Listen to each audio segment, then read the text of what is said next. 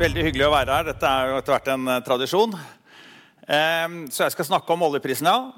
Først skal jeg snakke om oljeetterspørselen. Så skal jeg snakke om oljetilbudet. Og så skal jeg prøve å se dette her litt i sammenheng. Eh, men jeg skal først og fremst hjelpe dere til å kunne resonnere rundt disse tingene selv. Og jeg kommer ikke til å gi dere fasiten helt presist. Ehm, men jeg kommer til å hjelpe dere med å tenke gjennom disse spørsmålene. Og Da skal jeg begynne med å se på oljeetterspørselen. Og her har jeg delt inn den etter eh, produkt, oljeprodukter. Og så har jeg sortert det slik at eh, de produktene som faller først, de er nederst. Og de som øker, liksom faller sist, de er øverst. Og så viser jeg dere nå dette scenarioet som vi kaller 1,6-gradersscenarioet. Og det er et energisystem som slipper ut 650 gigatonn klimagass, klimagasser fram til netto null, som er i 2056. Og da blir den globale oppvarmingen 1,6 grader. Så, jeg skal snart vise dere mange andre scenarioer også, men jeg viser dette fordi at det er det mest aggressive energitransisjonsscenarioet hvor vi fremdeles kan klare å redegjøre for at det er mulig å gjøre når det gjelder supply chain osv. At det er på en måte ingen showstopper for at dette ikke skal kunne skje. Eh, så som dere ser, så, så har allerede altså Fuel oil for eksempel, nådde toppen i 1977 og har falt etter det. Eh, bensin nærmer seg toppen nå, kanskje i 2025. Eh, nafta det samme, og diesel litt senere. Mens jetfuel og etan de kommer ikke til å nå toppen eh, før på 2030-tallet. En annen måte å splitte dette er, på hvilke kundesegmenter som bruker disse produktene. Og da er det faktisk personbiler. Som dere ser, er, eh, altså igjen, eh, Bygg er, har allerede nådd toppen, og kraftsektoren har allerede nådd toppen for lenge siden. Men personbiler i 2018 så brukte de som dere ser her, 28,3. Og nå er prognosene i dette scenarioet at de kommer til å bruke i 2024-2025 28,2, kanskje 28,3. Så kanskje allerede bensinbiler har nådd Nei, jeg mener biler, personbiler har nådd toppen. Kanskje ikke. Det er helt på marginen. Petrokjemi, eh, også om ikke så lenge, fra oljesegmentet. Husk på at Mesteparten av inputen til petrokjemi kommer fra altså propan, butan, eh, etan eh, og, ja, og isobutan. Og det kommer veldig mye fra gassektoren. Så petrokjemi kommer til å vokse mye, men det er fra gass og ikke fra olje. Og fly er det igjen som kommer til å nå toppen senest. Dette inkluderer eh, biofuel, da, som dere så også på forrige her, den grønne på toppen eh, nederst der. Så Det er det 1,6-gradersscenarioet. Men så sa jeg at vi har mange scenarioer. Så det dere så nå, er denne stripen som går, denne grønne stripen som går eh, tredd nederst. 1,6 grader. Men vi har, drøfter da alle scenarioene fra 1,4 graders global oppvarming og til 2,5 graders global oppvarming. Og det ser det siste scenarioet når man ikke toppen før godt ut på, ut på 2040-tallet. Og så prøver vi å se på hva som skjer i alle, alle, de teknologiene som kommer til å erstatte olje, og gass og kull. Hvor fort er det de egentlig kommer inn i markedet? Og Der det er på en måte vitenskapen dette her ligger, og kunne være veldig presis på det. Så for å sammenligne de scenarioene med det dere så på, så har jeg nå lagt meg på et av de laveste ikke det aller laveste som dere ser, men et av de, et av de eh, laveste scenarioene som dere ser her. Og Nå skal jeg hjelpe dere da til å gå litt gjennom hver av disse segmentene, så dere kan tenke selv hva dere tror. Og Da kan vi begynne med personbiler. og bare se her. I dette scenarioet her så er personbilforbruket halvert i 2037. Fra 28 til 14. 2037. Husk på det, for det kommer jeg til å komme tilbake til. Så kan vi se på elbilsalget. Det nådde jo 16% i fjor. Eh, og nå så gikk det kraftig ned pga. at det var mange av subsidiene som opphørte, bl.a. i Kina og andre steder. Noen hadde kommet litt tilbake igjen. Og nå ligger vi på ca. 19 eh, på, eh, i, de siste tallene fra globalt elbilsalg. Og det kommer nye modeller. Bare vise én fantastisk ny modell. Lucid Air Dream. Den har en range på 800 km, over 800 km, 933 hestekrefter, fra 0 til 100 på 2,7 sekunder. Det er en superbil. De koster vanligvis en million dollar. Denne bilen koster 210 000 dollar. Det viser bare styrken i elbilteknologien som sådan. Men så sitter vi her, når vi sitter midt på Grand Hotel, så sitter vi i det største laboratoriet for elektriske biler i verden, nemlig Oslo. Og la oss se om vi, om vi virkelig har sett at uh, begynner vi å konsumere mindre olje og gass, eller jeg mener mindre bensin og diesel, fordi at vi får elbiler eller ikke. Og Da må vi sjekke at uh, kjører vi like mange kilometer som før. Og I Oslo så har vi faktisk økt kilometerantallet lite grann. Hele Sørkorridoren, det er mye bilkjøring der og, og, og, andre deler av Oslo. Så det har økt fra forsikringsselskapene fra litt, til li, litt over 6000 millioner kilometer til, til, til, sammen kjørt. Nå er det 43% elbiler i Oslo av hele flåten. Og nå kommer det spennende tallet. Hva skjer med etterspørselen etter eh, bensin og, og, diesel som er solgt i Oslo? Her er tallet. Så det har halvert seg per kilometer fra 2016. Altså så har vi funnet det. Vi har funnet beviset på demand-destruksjon av elbiler. Det er elbilen som er grunnen til denne, eh, denne etterspørselsnedgangen. Så, det, så vi kan bare oppsummere til høyre her. Altså, vi hadde 5% nybilsalg i 2013. Ti år etter hadde vi 50 demand-destruksjon. Så det kan være en liten huskeregel. Ti år etter at nybilsalget er 5% så er det halvert etterspørsel. Så kan vi se på en del faktapunkter. Så ser dere her. Oslo har den kommet lengst. Og alle årstall som står her, er faktisk årstall. Norge ligger ca. to år etter Oslo. Og i Norge så er det nå 20% demanddestruksjon. Kina ligger fem år etter Norge. Så anvendt den der i tiårsregelen, så vil si at det, anvender den, så er det fra 2019 til 2029 så er det halvering av etterspørselen i Kina. Og globalt anvender samme regelen. Globalt ligger to år etter Kina. Globalt så dere allerede at vi lå på 19 eh, så, eh, så det vil si vi kommer til å nå 20% mest sannsynlig til neste år. Som dere ser 2024. Og da følger tiårsregelen, så er det halvert etterspørsel i 2031. Og som jeg sa til dere i stad, i vårt 1,6-gradersscenario så er det halvert i 2037. Altså er det ganske konservativt i forhold til dette resonnementet mitt her. Og Så kan man ha argumenter for at det burde gå fortere enn det gjorde i Norge. For at i Norge var egentlig modellene ikke bedre og billigere. Det var bare subsidier som førte til at uh, vi, kjøpte det. Mens nå kommer alle de nye bilene som er bedre og billigere. Og Det er en disruptiv teknologi, og da går det enda fortere. Så det er argumentet for. Og alle bilfabrikantene i verden legger nå helt om til elektriske biler. Ingen har planer om å ikke gjøre det.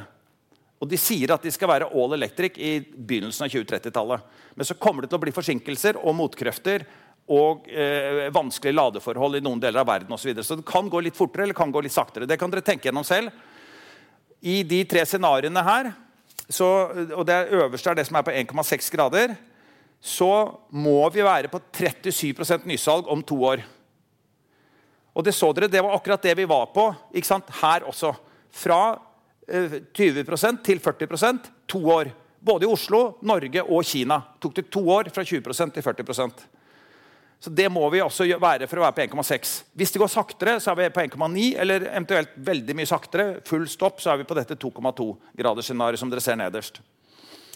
Men for at det skal være meningsfylt med elbil, så må du ha fornybar strøm.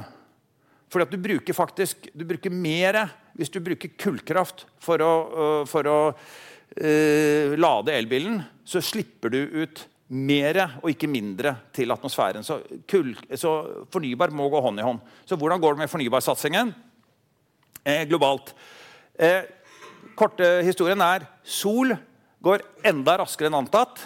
Vind går saktere enn antatt pga. en del problemer akkurat nå. Her ser dere det siste store solparken, Al-Dafra-prosjektet i Abu Dhabi. 2 gigawatt. Her er prisen som de har kommentert seg til, 13 dollar per megawatt-time. Altså 13 øre per kilowatt-time. Det vil si at du kan variabel kost for å flytte en bil 500 km er 1,3 dollar. Og Det viser styrken i det grønne skiftet. Det er ikke bare fordi vi ønsker et bedre klima.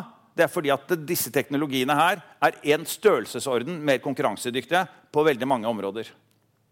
Så Det er essensen i det grønne skiftet. Og, eh, så, du må bruke minst eh, 30 liter, eller eh, hvis du har en dollar per liter i kostnader uten skatter, eh, så, så, så, blir det altså 300 kroner for å flytte en bil 500 km med bensinbil. Og det gjør, denne Konkurranseditten gjør at 2015 var det siste året hvor man installerte mer fossilkapasitet enn solkapasitet i verdens strømmarked. Her ser dere kapasiteten installert. Sannsynligvis lander vi på 520 gigawatt eh, eh, lavkarbon i år og 185 gigawatt eh, fossilt i år. Og Så skal jeg ta et annet poeng. fordi at eh, Nå skal vi nærme oss shippingsegmentet. Og Da kan vi se på det på to måter. Det ene er hva som skjer med skipene. Men det andre er hva som skjer med det skipene skal frakte. Og vi frakter altså kull, olje og gass. Det er til sammen 15 milliarder tonn som vi frakter rundt i verden. All skipstrafikk er ca. 35 milliarder tonn. Så det er en svært betydelig del. Og ser vi på tonn mileage, så er olje, gass og kull og petroleumsprodukter og LNG 45% av all tonn mileage globalt. Så hvis vi er seriøse på at eh, det skal bort, hvordan ser shippingmarkedet ut da? I tonn mileage? Jo, sånn ser det ut da. Så her ser dere containertrafikk øker. Det er alle produkter. Agri og agriprodukter, mat osv. øker. Jernmalm osv. stabiliseres. Det har mange argumenter for. tar det ikke nå. Mens det som går ned, er kull, olje, gass og petroleumsprodukter.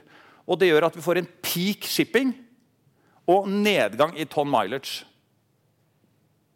Dette er ikke proporsjonalt med verdi av shipping. Fordi eh, det er billigere å frakte et tonn råolje enn å frakte en container. For eksempel. Men dette her er ren frakt. Annen, så Det er selve markedet for shipping. Eh, det andre er motorene.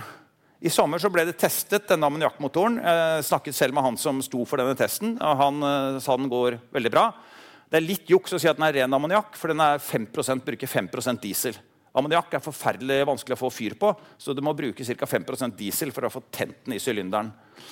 Men den var eh, nyttig. Eh, nei, den var vellykket, den testen. Og de bygger nå modell nummer to, som er enda større. Og Det er på full fart inn nå med å få sånne motorer inn i skip. Da kan du få etter hvert eh, karbonutslippsfri shipping og gå bort fra de fossile eh kildene. Batterier er en annen ting som må til for å, for å få nok batterier til alle bilene, og også til å stabilisere gridet for når du får den eh, avbruddsbaserte karakteren til sol og vind. Så På venstre side så ser dere batterietterspørselen i de forskjellige scenarioene etter biler, og på høyresiden siden etter, eh, i det som trengs i gridet. Og igjen, For å gjøre en lang historie kort I dag så har vi 177 store batterifabrikker. 44 til som er enda større, er under bygging. Og for å få til den grønne streken på toppen så må vi ha 400 slike fabrikker i tillegg innen 2040.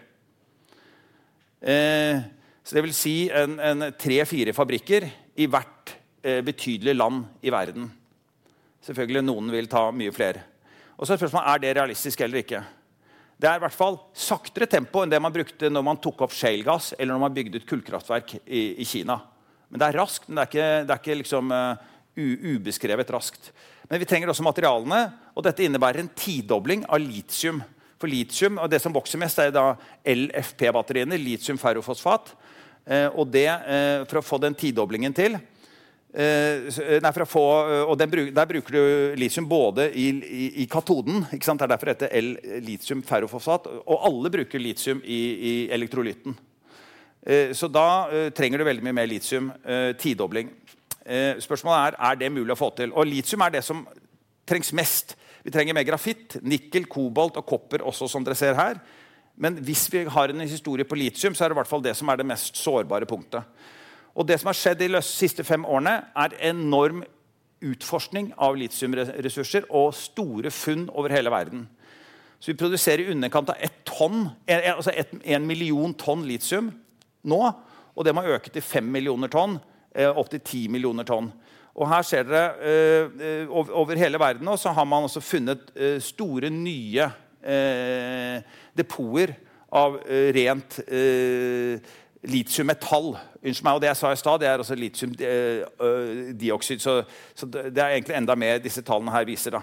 Så I tillegg til dette litiumtriangelet i Bolivia, Argentina, Chile, så har man vokst enormt på litiumproduksjon fra såkalt hardrock i, i, Australia. Men funnet tilsvarende depoter over hele verden. egentlig. Så det er prosesskapasiteten som eventuelt er flaskehalsen. Men det ser ut til å ikke være egentlig noe problem når du snakker med geologene om dette. her. Man får fram den litiumen. Og du ser også på litiumprisene. De, de, de seksdoblet seg jo i 2022. Nå har de mer enn halvert seg igjen. Og vi har et eget litium-team i Shanghai eh, i Rysse Energy som studerer dette veldig tett. Eh, de hadde faktisk en, en stor presentasjon, global presentasjon i dag morges, og da tok jeg denne, denne her, oversatte til overskriften til norsk. var jeg gjorde. Så vi ser eh, Prognosen vår for litium eh, for de neste året er, er, at det kommer til å gå ytterligere noe ned. I'll see you in court. Vi sier det ofte litt på spøk, men for deg som driver business, er det aldri moro å innse at du ikke har laget en 100% gyldig kontrakt. Du bør ikke risikere hele firmaet ditt fordi du synes dette med kontrakter er litt stress. En avtale er ikke en avtale. Du kan miste kunder, miste venner, ja, til og med miste inntekter om du ikke lager en skikkelig kontrakt, på alt mulig, egentlig. Men vi vet det er et styr, kopimaskiner, treg printer og haugevis av papir. Dessuten stoler vi jo på folk her i landet. Det er ofte litt kleint å skulle be om en signatur for alt mulig, ja, for mye av styret handler også om jakten på underskriften. Det finnes en enkel måte å løse dette på, Dukkobit. En trygg, effektiv og get this, gratis måte å sikre seg en god natts søvn pluss en juridisk bindende avtale. Dukkobit-appen har de strengeste sikkerhetskrav i bunn, samt en EU-godkjent og sertifisert teknologi. Framover vil det bli behagelig å spørre du, skal vi skrive under på det, eller? Kom i gang på dokobit.no. Så det er etterspørselssiden. Altså jeg sier Det er ingen showstoppere for at ikke elbiler skal kunne vokse så raskt som den øverste kurven viser. Verken på batterisiden eller materialsiden. Og det ser også ut til at eh, fornybarstrømmen vokser like fort, kanskje enda fortere.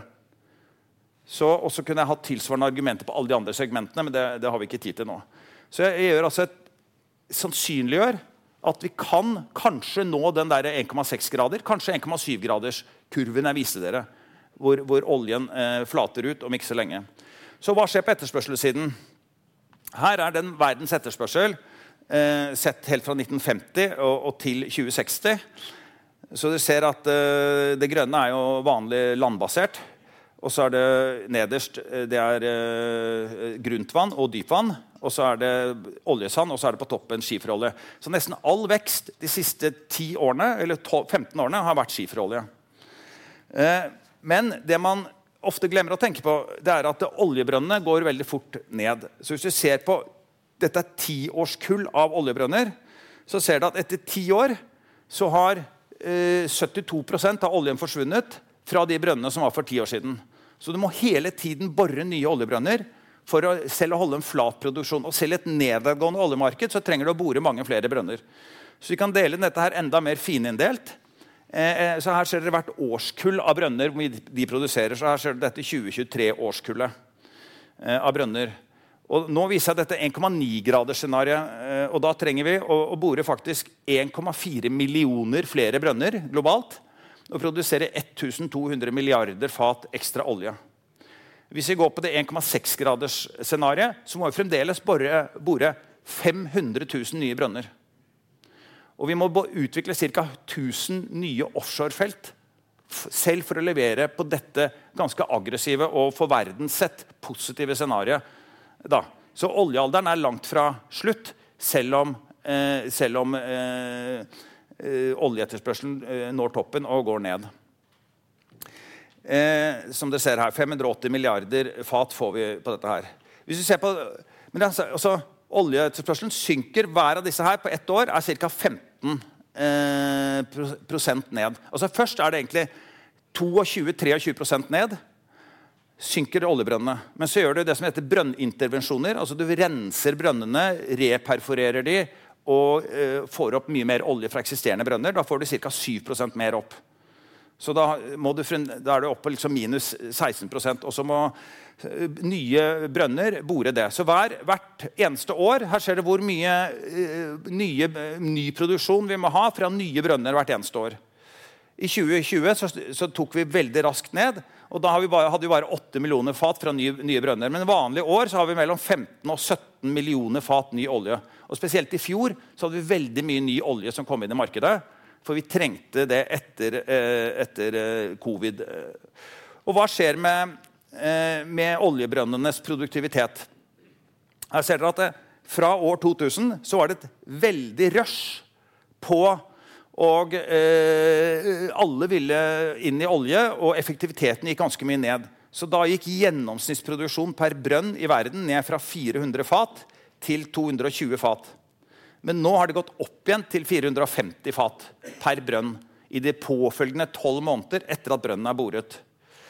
En offshorebrønn er ofte tigangeren dette, men dette er gjennomsnitt alle brønner. Og hva er det som har skjedd? Jo, Først og fremst at Man borer mye lengre brønner nede i reservoaret og perforerer de mer. Så Du borer bare ett hull ned, og så får du som dere ser her, mye lengre sone der nede. Så med samme antall brønner så får man dobbelt så mye olje i dag. Altså så burde vi ikke bli bekymret om oljeboringen har gått ned fra, eh, fra eh, som er faktisk 80 eh, 000 brønner, til 40 000 brønner. Vi får like mye olje. Og hva med prisen på brønnene? Jo, av samme grunn som jeg sa i stad, så var det en enorm kostnadsinflasjon opp fram til 2011, 12, 13 og 14. Eh, og kost, Se på offshorebrønner. De kostet i snitt 160 millioner dollar. Eh, og onshore-brønnene kom opp i 6 millioner dollar. Nå har de gått ned igjen, ca. 25 for, for uh, offshore, nei, for, uh, i snitt globalt. Og dypvannsbrønnene er blitt 50% billigere. Så når vi nå ser på med de øynene jeg nå sa, på supply-bildet, så er det en veldig populær eh, historie blant veldig mange analytikere der sier at vi investerer bare halvparten i dag enn det vi gjorde for ti år siden. Vi kommer til å gå inn i en oljekrise. Men se på dette. Problemet er, at, eh, problemet er ikke at vi investerer for lite i dag. Problemet er at vi investerte altfor lite effektivt i perioden 2008 til 2014. Det var en hyperinflasjon som med lav produktivitet og høy inflasjon. Så det er ikke riktig denne historien om at vi har forsømt oljeinvesteringene og kommer til å gå inn i en lang periode med høye oljepriser pga. forsømte oljeinvesteringer. Så kan vi gå inn og se på noen detaljer på her er jackup-markedet. Så ser dere at Fra Grundtvann, som dere kanskje ikke husker fra i stad, men så produserer man 17,6 millioner fat om dagen. Eh, Eh, og eh, i, i 2020. Og, det, og, så har man økt riggantallet. Og her ser dere, som jeg sa, riggene brukes til boring, workover, altså intervensjoner, plugging og til utforskning. Så det som bidrar til økt produksjon, det er først og fremst det gule og det blå her. Og hvis vi regner litt på det, skal jeg ta dere litt raskt eh, gjennom dette her, så øker vi jackup-riggene med 36 rigger nå. Og så produserer hver rigg 8,5 brønn til 1700, altså 1700 fat om dagen. Så hver rigg bidrar med ca. 15 000 fat om dagen. Og med en økning på 36 rigger så ganger du det, eh, det med hverandre, så får vi ca. en halv million fat mer olje fra i dag, altså 2022-2023, og inn i 2025. Og det jeg skal hjelpe dere med nå, er å tenke hva skjer i 2025. Og jeg kommer ikke til å gi dere svaret. Men tror dere, med den riggaktiviteten dere nå ser, at det blir mindre eller mer olje inn i 2025 fra dette ganske store segmentet. Poenget er at Når vi ser at riggaktiviteten øker, så ser vi at produksjonen øker, men først to år etter. For det tar ganske lang tid å bore brønnene, komplettere de og koble de til. Så det er en forsinkelse på opptil 18-24 måneder. Så her kommer det mye ny olje fordi at riggmarkedet er så smekkfullt, eh, er så veldig aktivt som det er nå. På dypvann er det det samme historien. Det produseres ca. 9,3 millioner fat om dagen nå fra dypvann. Og det har vært for lite, de nivåene vi har vært på nå, med bare 55 rigger, eller 53 rigger som borer. Da går det litt ned. Men nå øker vi det til 67. Og da er det sannsynlig at vi øker med ca. 300 400 000 fat, eller 400 000 fat eh, på dette segmentet. Så bare fra disse to offshore-segmentene så ser det ut til at vi kommer til å øke med ca. 900 000 fat inn i 2024-2025. Og dette her er litt over de prognosene som, eh, som, andre har. Men tenk selv. Kanskje dere ikke tror på det. Kanskje dere tror at plutselig produktiviteten går kraftig ned igjen. Vi vet at Når aktiviteten går opp, så går produktiviteten noe ned, for det gjør noe mindre såkalt high grading. Så er vi til USA. Og igjen, De produserer eh, nå 14 millioner fat eh, fra, eh, fra, USA. Crude og kondensat. I tillegg så er det veldig mye NGLs. Og Her har også analytikeren vår sagt at det kommer an på prisen hvor mye mer man borer. Hvis du går ned igjen nå til, til 50-60 dollar, så kommer det til å flate helt ut. Men hvis du fortsetter på nåværende høye nivåer, 90, 90 dollar, så kan det vokse med 4 millioner fat innen 2030 så får vi også ganske mye ekstra olje der hvis prisen holder seg så høy. Og det til høyre det bare viser det grønne er antall brønner du må ha for å holde stabil, stabil flatproduksjon. Og vi ser at vi borer nå en god del flere brønner enn det vi må bore for å holde en flat produksjon. Så vi er i en stor vekst i USA nå. Og Den som da skal balansere dette markedet, det er OPEC. Og OPEC har gjort det etter skoleboken de siste to årene. Så bare sånn vi jobber veldig mye med OPEC også, eh, så det er ikke all, alle elementer jeg kan kommentere på her. Men eh, det som er offentlig, det ser dere her. At eh, de, de, de følger egentlig har klart å regulere markedet og holde prisen veldig stabil. Men hvis vi holder prisen på 90-100 dollar, hva skjer med USA? Hva skjer med offshoremarkedet? Hvor mye vil eh, OPEC kutte? Ja, Smerteterskelen er 1 eller 2 millioner fat. Vil Saudi-Arabia kutte 3-4-5-6 millioner fat? Det gjorde de på 80-tallet. Saudi-Arabia er ofte tjent med å få et sjokk i oljemarkedet. Så Det som jeg har hentet nå fra en rapport vi publiserte denne uken, det er bare detaljene om markedsbalansen fram til slutten av 2024. Jeg sa jeg vil ikke vise dere 2025 i detalj. Men da ser dere her at vi har mer etterspørsel. Helt fra 22 til 24 så har vi mer etterspørsel enn tilbud. Både hvis vi ser på det totale væskebalansemarkedet, og hvis vi ser på krud pluss kondensat, også det som er råoljemarkedet, som går inn i raffineriene. Det øverste går inn i petrokjemi eh, og andre ting. Så vi, har, vi forventer et stramt marked, og det har vi sagt i to år. I 2022 og 2023 og inn i 2024. Men hva skjer i 2025? Dere husker også hva som flater ut, etterspørselen, og hva kommer av nytt, nytt tilbud. Tenk selv på det jeg sa om riggene, om USA osv. Og Vi kan jo modellere dette markedet dette er bare, sant, med noe som heter systemdynamiske modelleringer. Og Hvis vi sier at vi ikke har OPEX med en regulator, så får vi denne type pulsasjoner. Og så er det veldig mange av dere som sier ja, men Jaran, du sa jo i avisen eh, for kort tid siden at oljemarkedet kommer til å gå til 20-40 dollar. Og jeg ble, for ærlig, jeg hadde vært i utlandet, kom hjem og så leser jeg det i avisen. Og det hadde jeg overhodet ikke sagt. Eh, jeg hadde fått artikkelen etter intervjuet til, eh, til, gjennomlesning. Og det viste seg at de hadde tilføyd den kommentaren etter intervjuet og etter min korrekturlesing. Og DN måtte faktisk dementere dette. her. Det står opp til venstre. Eh, her står det fortsatt forventet en oljepriskollaps. at Dette innebærer oljepris mellom 20 og 40 dollar. Dette sa imidlertid ikke Ryse under dette intervjuet men ved en tidligere anledning. For jeg hadde funnet et annet sted hvor jeg hadde sagt det i en helt annen kontekst et par år før. Så, så det er jo sånn. Eh, men dere er sikkert eh, vant nok til å lese avisen til tro ikke på alt dere ser og hører osv.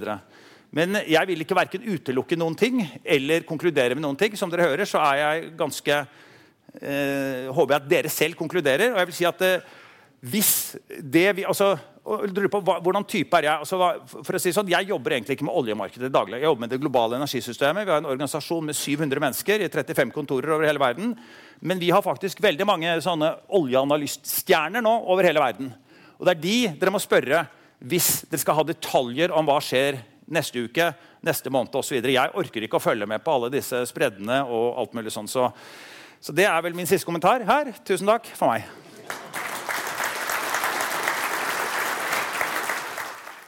Økonominyhetene er en podkast fra Finansavisen. Programledere er Marius Lorentzen, Stein Ove Haugen og Benedikte Storm Bamvik. Produsenter er Lars Brenden Skram og Bashar Johar. Og ansvarlig redaktør er Trygve Hegnar.